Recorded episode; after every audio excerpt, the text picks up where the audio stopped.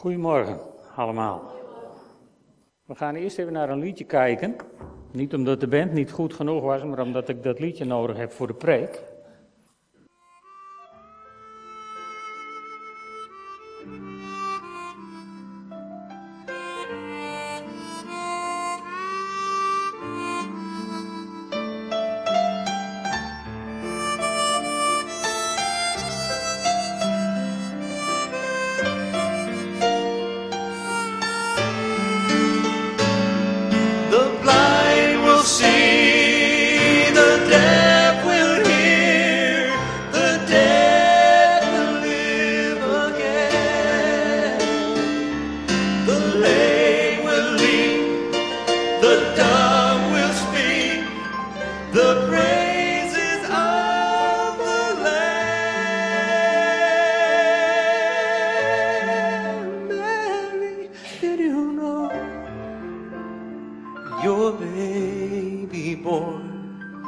is Lord of all creation. Mary, did you know your baby boy will one day rule?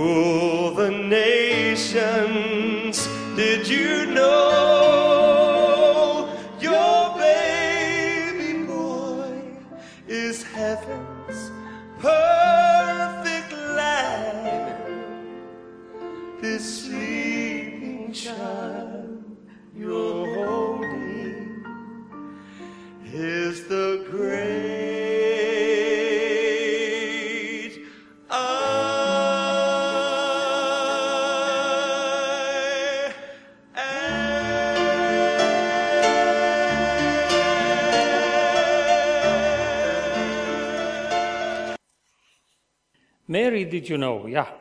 Uh, als je naar het uh, kerstverhaal kijkt, dan moeten we onszelf, denk ik, bewust zijn dat toen Maria tegen de engel zei: Mij geschieden naar uw wil, dat ze geen flauw idee had waar ze aan begon.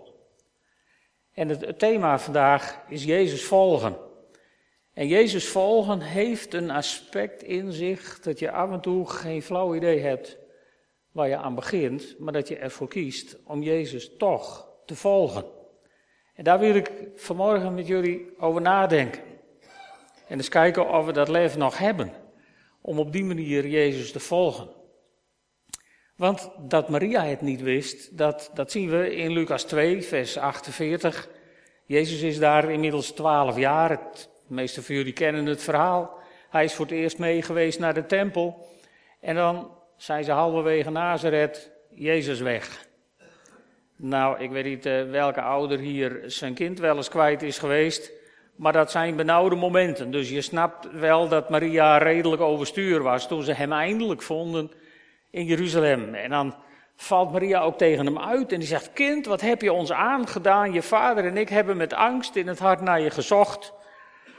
En dan zit, uh, zit Jezus daar, twaalf jaar, dus zo'n puberfiguur, die kijkt je aan, midden in al je opwinding en je stress. En die zegt, what's the problem? Nou, je zou ze achter het behang plakken. Maar zo reageert Jezus ook. Hij zegt, nou, waarom heb je mij gezocht? Wat is het probleem? Wist je niet dat ik in het huis van mijn vader moest zijn? Nee, dat wisten ze dus niet, want dan waren ze daar wel begonnen te zoeken. En, en dan staat er ook in het laatste vers, maar ze begrepen het ook niet.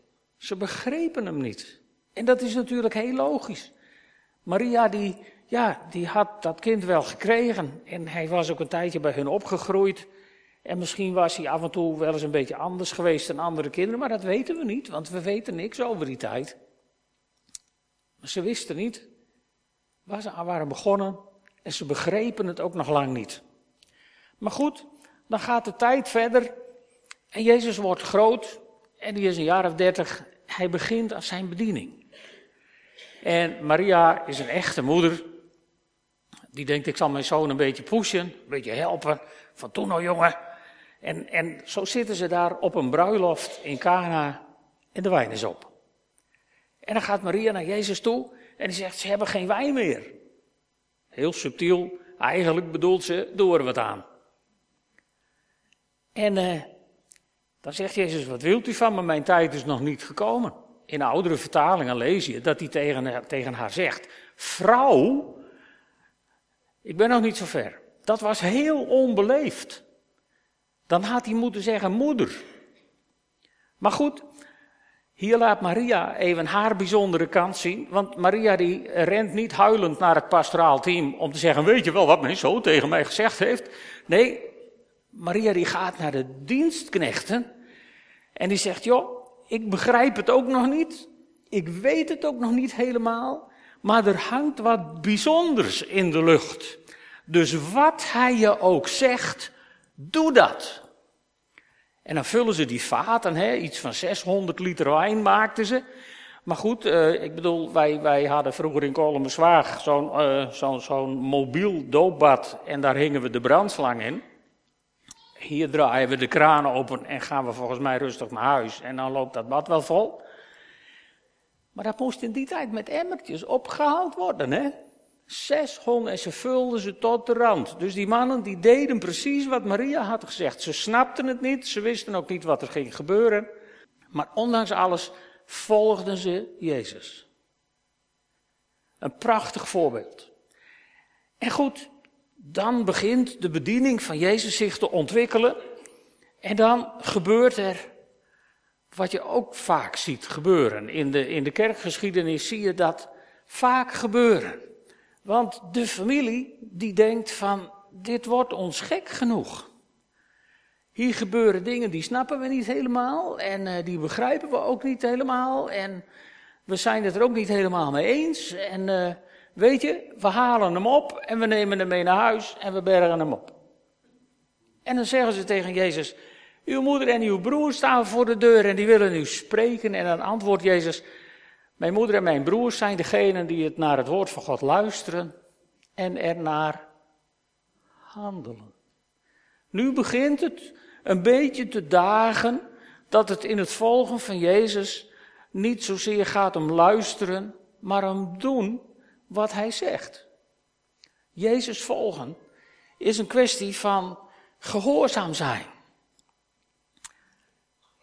Goed, nou, dan zijn we zover gekomen.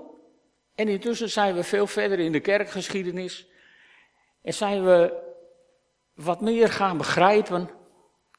En zien we in Jesaja 7, vers 14 staan. Dat er een zoon geboren zal worden. En die zal men Immanuel noemen. Immanuel betekent God met ons. En ik heb de indruk dat voor, voor veel gelovigen dat tegenwoordig betekent dat je God in je binnenzak hebt. Dat je s'morgens je planning maakt en in je stille tijd God even voorlegt, Heer, dit gaan we vandaag doen, wilt u even tekenen bij het kruisje? Dan is deze dag ook weer gezegend.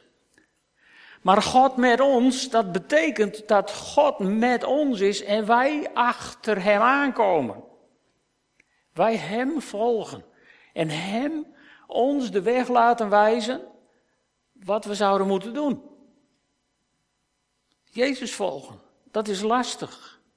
Het heeft ook nogal wat consequenties. Om te beginnen kan het volgen van Jezus je een totaal ander leven geven. Een jaar of 30 of 35 jaar geleden was ik dakdekker. En kreeg ik dat vreemde, onbestendige verlangen van binnen om iets anders te gaan doen met mijn leven. En, en achteraf denk ik dat dat Gods roepstem was, die zei, volg mij. Wist ik toen wat er allemaal zou gaan gebeuren? Nee, gelukkig niet. Want dan denk ik dat ik net als een paard op zo'n concours had geweigerd voor de hindernis. Dus Jezus volgen, het is ook genade. Dat je niet altijd weet wat dat precies betekent. Want ik denk dat de meeste mensen die in een roeping wandelen, niet waren begonnen. Als ze van tevoren alles hadden geweten. Soms is het beter om het niet te weten. En gewoon Jezus te volgen. Maar het verandert je leven. Hij zei tegen die gewone vissers daar aan het strand. Volg mij en ik zal je vissers van mensen maken. Ze hadden geen flauw idee wat dat betekende, want die term was nog niet uitgevonden. Maar ze volgden Jezus. Ze lieten acuut alles uit hun handen vallen. en ze gingen achter hem aan. Vind ik zo mooi in dat verhaal. In een andere situatie zegt Jezus tegen iemand van, joh, volg mij. En die persoon die zegt, Heer, sta mij toe eerst mijn vader te begraven. Die vader was nog niet dood, volgens, het, volgens de toelichtingen in het verhaal, maar hij durfde eigenlijk zijn vader niet te vertellen dat hij de weg van de vader ging verlaten en dat hij Jezus wou gaan volgen. En, en ik denk dat dit een heel mooi vergelijking is met, met hoe tegenwoordig heel veel mensen uh, tegenover de doop staan. Weet je, als je, als je ja, tot levend geloof komt en, je, en je, je weet diep in je hart eigenlijk dat God je vraagt om je, om je nog een keer te laten dopen, zoals Marlien volgende week, dan kun je daar heel erg tegenaan hikken.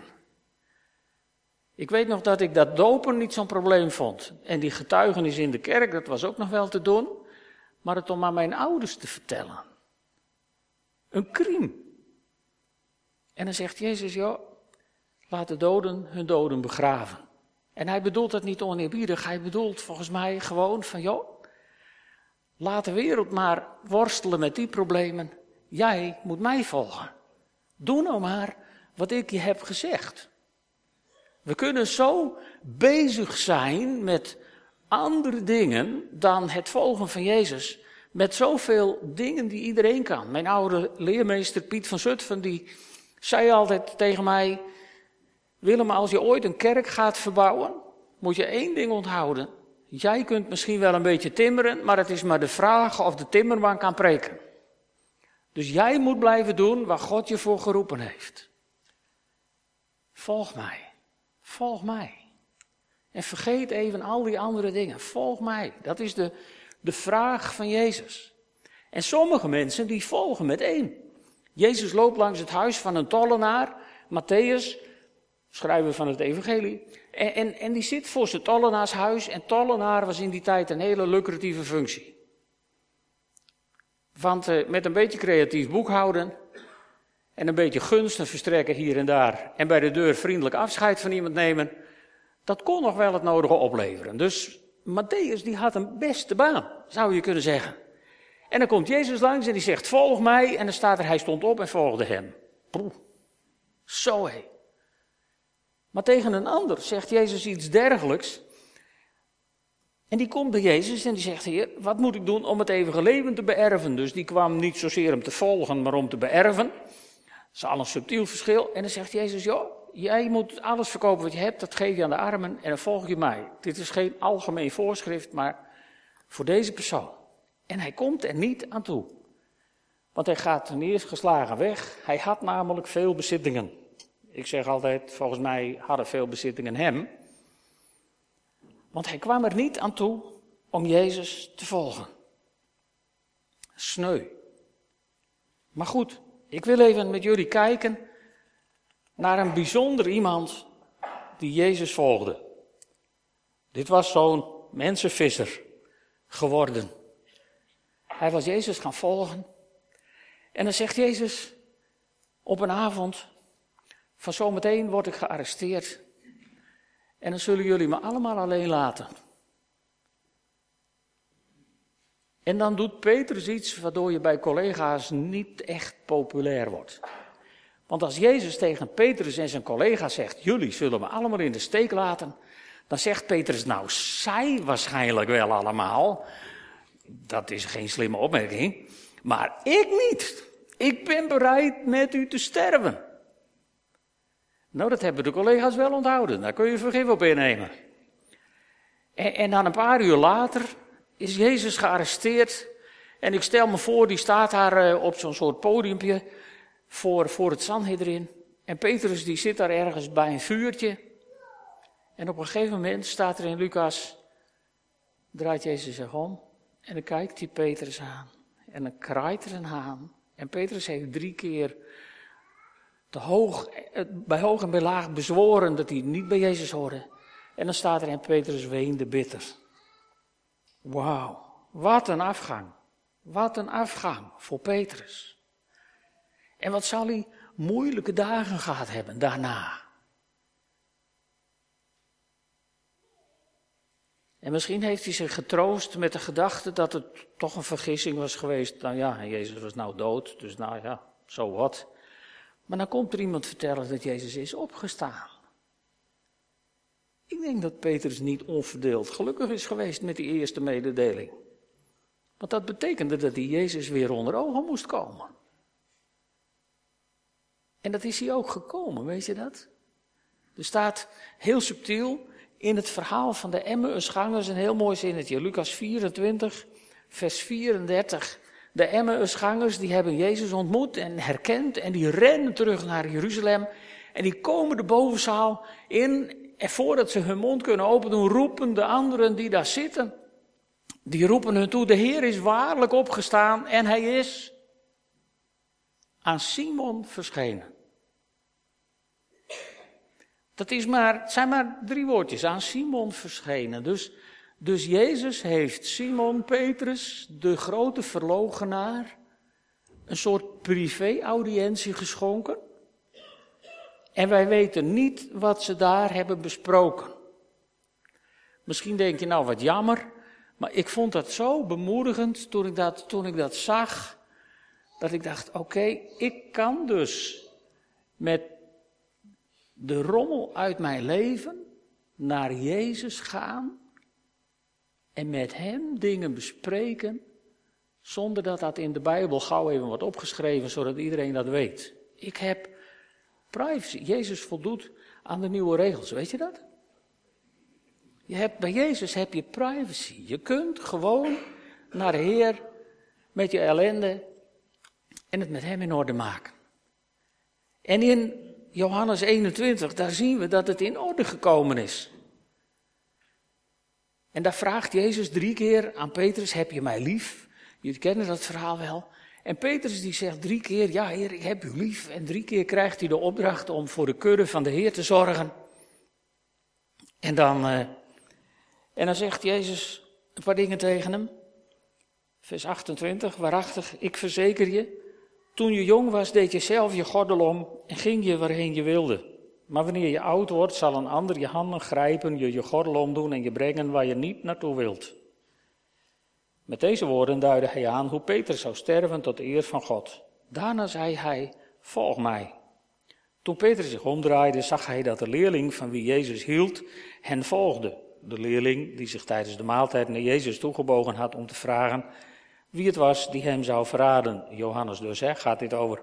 En toen Petrus hem zag, vroeg hij aan Jezus, en wat gebeurt er dan met hem, Heer?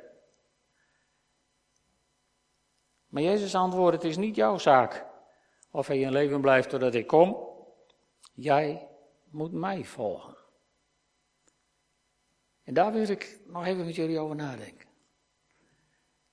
Jij moet mij volgen, zegt Jezus. En heel vaak zijn we net als Petrus, dan kijken we eerst even om ons heen en dan willen we weten hoe het met al die anderen komt. En Jezus zegt gewoon heel plat, dat gaat je niet aan. Jij moet mij volgen. Dat is de opdracht. Jij moet mij volgen. Niet zeuren, jij moet mij volgen. Wow, zomaar even. Niet democratisch of nee, jij moet mij volgen.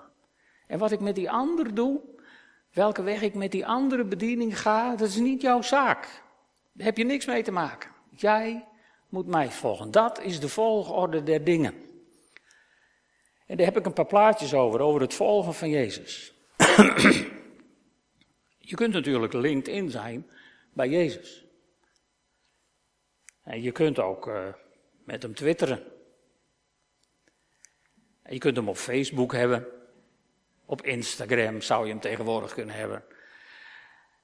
Maar weet je, door al deze dingen weet je misschien van iemand anders wat hij deed.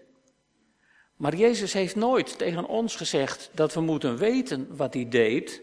Jezus heeft tegen ons gezegd: Jullie zullen doen wat ik deed. En meer dan dat zelfs. Jij moet mij volgen. Jij moet mij volgen. En je hoeft niet alles te weten. Je hoeft er helemaal niet alles te begrijpen. Mary, did you know? Nee, geen idee. Jij moet mij volgen. Dat is de vraag.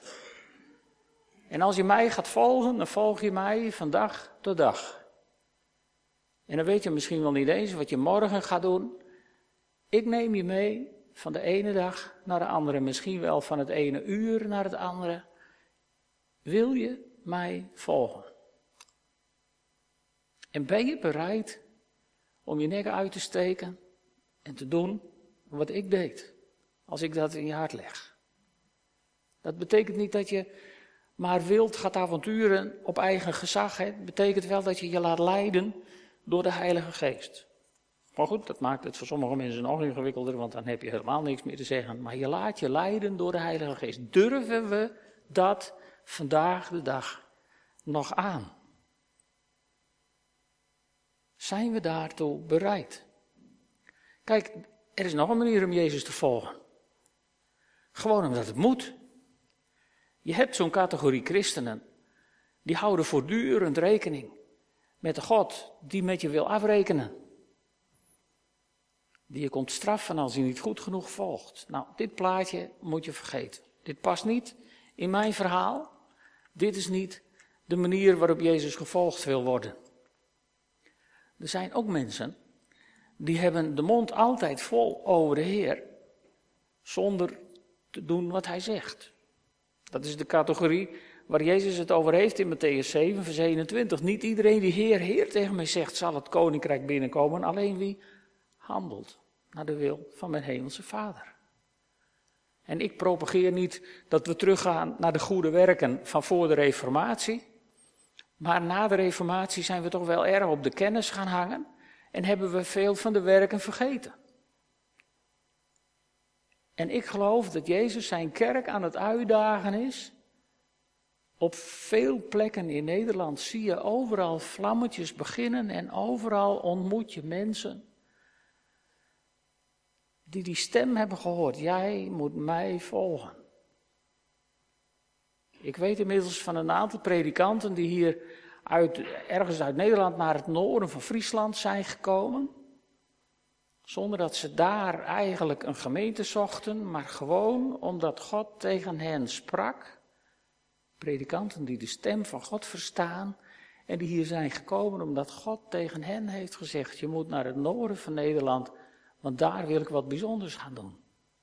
Zomaar. In een PKN-kerk. Jij moet mij volgen. Er zijn mensen die het lef hebben om dat te doen. En de uitdaging is volgens mij voor ons ook, of wij dat lef hebben. Ik heb nog een plaatje over volgen. Als je als captain van een groot vliegtuig bent geland op een vliegveld, en dan ben je natuurlijk de man, hè, want je bent de captain, je bent de baas over dat grote vliegtuig. Dan komt er zo'n klein prutsautootje voor je rijden en daar staat op follow me. Nou, als je als piloot verstandig bent, volg je dat autootje. Want dan heb je kans dat je daar komt waar je verwacht wordt. En anders kun je het op zo'n groot vliegveld wel schudden. Dus dit kan heel belangrijk zijn. Maar een andere die ik voor christenen eigenlijk heel belangrijk vind, dat is deze. Kijk, wat dan, dan ben ik dat. En dit is de leeuw van Juda. En wat ik nou heel vaak zie, volgens mij, dat is dat heel veel gelovigen geen idee hebben van wat er voor hen loopt. Want ja, zo'n klein leeuwtje is een heel mals hapje. En daar zitten vast allemaal hyena's en andere dingen langs de kant te denken van als we de kans krijgen, dan is hij voor mij. En als dat kleine leeuwtje vergeet naar voren te kijken, naar wat er voor hem loopt, en zijn oog wendt op al die vurige ogen om hem heen, die hem eigenlijk rauw lusten, dan kan zo'n leeuwtje helemaal in paniek raken. En denken, ah, help, demonen. Als je snapt wat er voor je loopt, lieve broeder en zuster, dan is er geen plek voor angst in jouw leven. Want die hyena's, die zitten het allemaal in hun broek te doen, voor zover ze die aan hebben, van ellende, om wat er voorop loopt. En die pijnzen er niet over om dat kleintje ook maar een haar te krenken. En dit is de manier waarop jij als gelovige door het leven mag wandelen. Als je Jezus volgt, loopt de leeuw van Juda voor je. En niemand pijnst erover om ook maar een vinger naar je uit te steken, zolang je dicht in de buurt van die leeuw blijft. Dus Jezus volgen is ook nog hartstikke veilig. Het is ook nog een prachtige plek. En, en, deze vond ik ook zo grappig. Want je mag Jezus ook nog volgen in de illusie dat je zelf fietst. Die willen je niet afnemen. Je mag gewoon achter hem aan. En hij neemt je mee naar plekken waar je nooit van had gedroomd. En er is nog een leukere. En daar gaan we even naar kijken. Ik heb soms van die akelige dagen. Dat alles me te groot wordt en te veel. En wat ik aangehaald heb, kan ik slecht verdragen. En alles wat ik nog moet doen, dat grijpt me naar de keel. Ik word al zenuwachtig wakker. Dat wordt alleen maar erger door dat driftige gejakker. Een koffer vol verantwoordelijkheid waaraan ik me vertil. En honderdduizend dingen die ik eigenlijk niet wil. En ik moet nog zoveel doen, ik moet nog zoveel doen. Kan ik nou vandaag niet weer eens even net als toen? Veilig achterop, bij vader op de fiets. Vader weet de weg en ik weet nog van niets. Veilig achterop, ik ben niet alleen. Vader weet de weg, vader weet waarheen. Ik weet nog hoe het rook. Ik weet nog hoe het was. Met mijn armen om me heen, mijn wand tegen zijn jas. Vader weet de weg en ik weet nog van niets. Veilig achterop, bij vader op de fiets. En ik heb zo vaak een onbestemd verlangen. Zo'n zeurderig gevoel van droevigheid. En dat verlangen dat kan dagen blijven hangen. En waar ik ga of lig of sta, ik raak het niet meer kwijt. Niks is leuk en niks is boeiend. Alles is vervelend en mateloos vermoeiend. Lusteloze, levenloze, wezenloze heer. Die treurig zit te kijken naar de wereld en het weer. En ik moet nog zoveel doen, ik moet nog zoveel doen. Kan ik nou vandaag niet weer eens even naar de stoel? Veilig achterop, bij vader op de fiets. Vader weet de weg en ik weet nog van niets. Veilig achterop, ik ben niet alleen. Vader weet de weg, vader weet waarheen. Ik weet nog hoe het rook. Ik weet nog hoe het was. Met mijn armen om me heen, mijn wand tegen zijn jas. Vader weet de weg en ik weet nog van niets. Veilig achterop, bij vader op de fiets. De wat ouderen onder ons, die kennen dit, hè? Tegenwoordig zitten die stakkers in zo'n kinderzitje een meter van hun vader af, dus die hebben geen idee waar dit over gaat. Het is wel veiliger overigens misschien. Maar, maar het is voor mij zo'n herkenbaar verhaal. Weet je, mijn vader werkte in de wegenbouw. En wij verhuisden van project naar project totdat ik naar school moest. Toen, toen hield dat op. Maar in die tijd dat we dicht bij het werk van mijn vader woonden, waren er van die momenten en dan mocht je even met je vader mee naar het werk. En dat was ontzettend leuk. Dan mocht je achterop, voeten in de fietstas. En mijn vader had zo'n dikke duffelse jekker, zo'n zo'n harig donkerblauw ding. Dat rook een beetje naar teer van de wegenbouw en zo. Dat had echt zo'n geur. En ik herken hem zo, dat je daar je handjes in vast had. En dan zat je achter je vader. En dan ging je met vader naar het werk. En ik heb nooit de neiging gehad om tegen mijn vader te zeggen: Als jij nou eens achterop gaat zitten, fiets ik wel. En dat hebben veel gelovigen vandaag de dag volgens mij wel. Zouden we dit weer durven?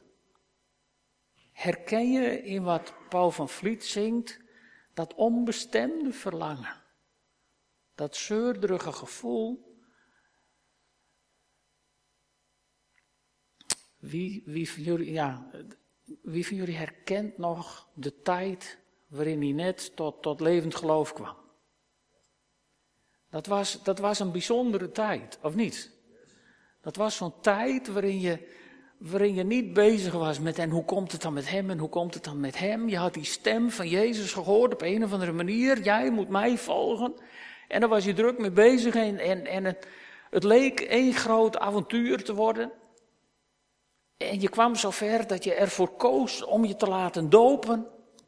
En dat waren van die dagen, van die dagen als je eraan terugdenkt, dan heb ik inderdaad soms dat zeurderige verlangen, dat onbestemde gevoel. En waar is het gebleven? Maar ik heb één hele diepe overtuiging en die wil ik met jullie delen. We staan aan de vooravond van een hele bijzondere tijd in Nederland. Er zijn zoveel profetieën uitgesproken, zoveel woorden, er gebeuren zoveel bijzondere dingen, dat God wat bijzonders wil doen. En volgens mij is het, is het een gunst van God dat hij vandaag de dag tegen ons zegt, jij moet mij volgen. Heb je het lef om met mij mee te gaan in, in die nieuwe beweging van de geest van God? Ja, maar daar dopen ze baby's. Jij moet mij volgen. Ja, maar daar zijn ze zo charismatisch, daar vallen ze in de geest. Jij moet mij volgen. Stop met zeuren. Jij moet mij volgen. Wil je dat? Wil je met mij mee een nieuwe beweging in? Niet voor hem op, Immanuel. We hebben hem niet in onze binnenzak. Wij maken niet het programma hoe het eruit gaat zien. Maar het is een gunst van God dat hij Immanuel wil zijn. God met ons, dus heel dichtbij. Zou je dat willen? Dat is de vraag voor deze avond. Of voor deze ochtend. Ken je de stem van de herder? En ben je bereid om de herder te volgen? Waar hij ook gaat. Amen.